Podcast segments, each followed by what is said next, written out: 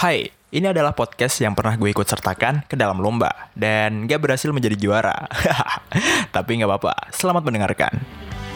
Disiarkan langsung dari kos-kosan, mempersembahkan podcast akhir bulan.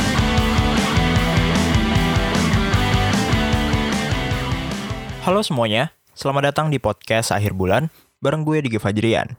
Kali ini gue lagi ikutan lomba podcast Hari Guru Nasional yang diselenggarakan oleh Pondok Inspirasi dengan tema tentang seorang guru di penghujung jarak dan waktu.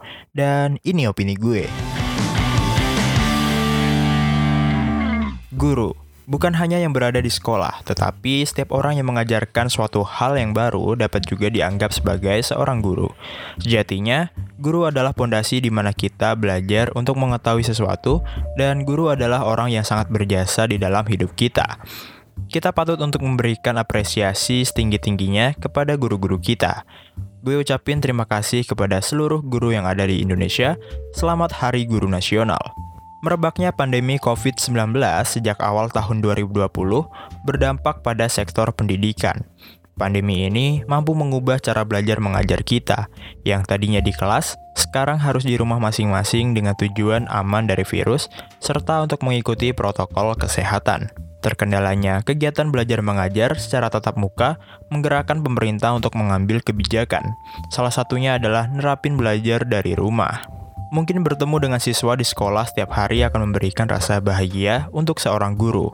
Meski siswa sering membuat guru merasa lelah atau terkadang jengkel, namun anak-anak inilah yang menjadi penyemangat para guru. Sebelum ada corona, biasanya belajar di kelas dengan penuh riang dan gembira. Tapi semenjak corona datang, mau nggak mau harus dipisahin oleh keadaan. Antara guru dan siswa belajar mengajar dari rumah masing-masing. Pasti akan memberikan usaha yang membutuhkan tenaga ekstra untuk seorang guru. Sementara, pendidikan harus tetap dijalankan apa pun situasinya. Guru bisa tetap mengajar secara daring, menggunakan beberapa platform, dan siswa belajar didampingi oleh orang tua atau pengasuh di rumah. Ini merupakan tantangan yang dihadapi oleh guru, yang biasanya jam 7 udah bunyi lonceng di sekolah, tapi kali ini nggak terdengar. Dan Indonesia adalah negara yang sangat luas, sekolah nggak hanya di perkotaan, tapi juga ada yang di daerah-daerah terpencil. Di lokasi yang berbeda memiliki tantangan yang berbeda juga. Di daerah terpencil, akses terhadap teknologi untuk tetap melaksanakan kegiatan belajar mengajar secara daring sangatlah terbatas dibandingkan dengan sekolah di daerah yang lebih berkembang. Pertemuan tatap muka secara langsung dengan siswa menjadi metode yang paling relevan untuk dilakukan saat ini oleh guru-guru di daerah terpencil, karena gak banyak orang tua atau siswa yang memiliki smartphone atau laptop untuk mengakses pembelajaran secara daring, dan kendala jaringan sinyal yang terlalu lambat juga membuat kegiatannya gak berjalan dengan lancar. Di daerah yang lebih berkembang, biasanya belajar mengajar menggunakan video conference seperti Google Meet, Zoom, dan sejenisnya. Pasti bakal beda banget belajar mengajar antara di kelas dan via video conference.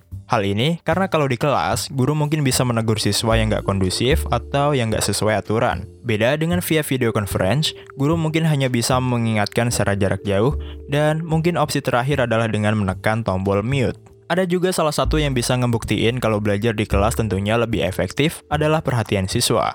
Saat di kelas, perhatian siswa bisa dikontrol langsung oleh guru di kelas.